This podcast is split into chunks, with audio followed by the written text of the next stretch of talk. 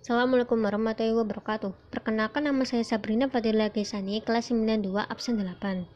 Hari ini saya akan mengambil podcast dengan tema peran pemuda dalam melawan berita hoax. Media sosial adalah sarana yang paling modern untuk menyampaikan sebuah pemikiran dan opini. Namun, media sosial juga ibarat hutan belantara dan setiap orang yang tidak berhati-hati akan terjebak di dalamnya. Terjebak yang dimaksudkan adalah termasuk termakan isu-isu yang sengaja dituliskan dan disebarkan oleh orang yang tidak bertanggung jawab. Generasi muda juga dapat membuat semacam official account untuk sarana saling berdiskusi dan berdialektika bersama pengingat media sosial.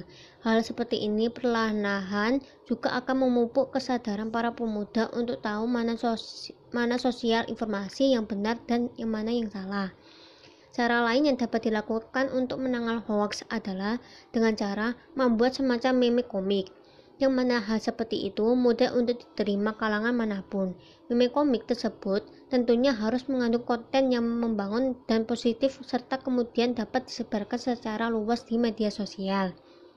Pemerintahan juga secara tegas dalam upaya memberantaskan hoax dari pembuatan UU IT hingga lembaga semacam cybercrime, maka untuk di generasi muda harus turut ambil andil dalam mengawal hukum tersebut.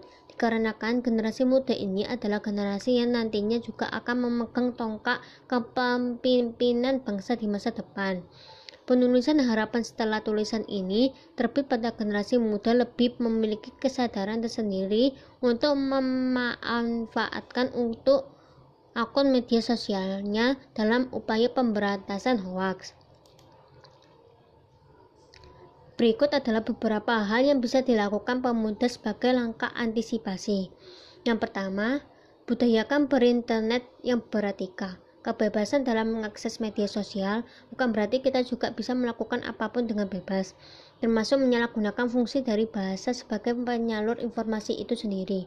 Kebebasan berinternet selayaknya diimbangi dengan etika dalam penggunaannya seperti menggali serta memperoleh informasi yang bermanfaat, menggunakan internet sebagai media untuk belajar, sehingga pemuda lebih banyak menggunakan waktu berinternetnya untuk sesuatu yang positif. Yang kedua, meningkatkan kualitas diri. Pemuda Indonesia yang dinilai sebagai generasi penerus serta agen perubahan diharuskan untuk selalu mengupgrade diri dengan ilmu-ilmu pengetahuan yang bisa menguatkan karakter serta pengetahuan mereka. Dengan ilmu yang dimiliki, diharapkan menjadi tameng penghalang ketika hendak berbuat negatif. Dan yang terakhir, yang ketiga, menjadi filterasi informasi bahasa yang digunakan sebagai alat penyebaran luasan informasi ini tidak selamanya memuat kebenaran sesuai dengan fakta yang ada. Informasi yang dibagikan bisa berupa informasi kebohongan. Pemuda diharapkan bisa menjadi filterasi informasi dengan cara yang bijak. Ketika memperoleh suatu informasi, seharusnya kita membaca dan seksama berita yang ada. Kemudian, mengecek portal media dari berita yang diperoleh serta mengecek kebenaran berita sebelum menyebarluaskannya. Begitulah peran bahasa yang tidak hanya sebagai sumber informasi positif.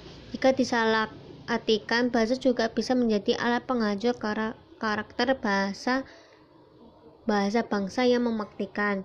Untuk itu, alangkah baiknya jika kita mengaku sebagai pemuda Indonesia yang berkarakter, memberi tameng diri dengan pemahaman-pemahaman akan tujuan bahasa yang sebenarnya demi mewujudkan negara, negara yang damai tanpa kebohongan. Sekian dari podcast saya. Apabila ada salah kata atau perbuatan, wassalamualaikum warahmatullahi wabarakatuh. Up.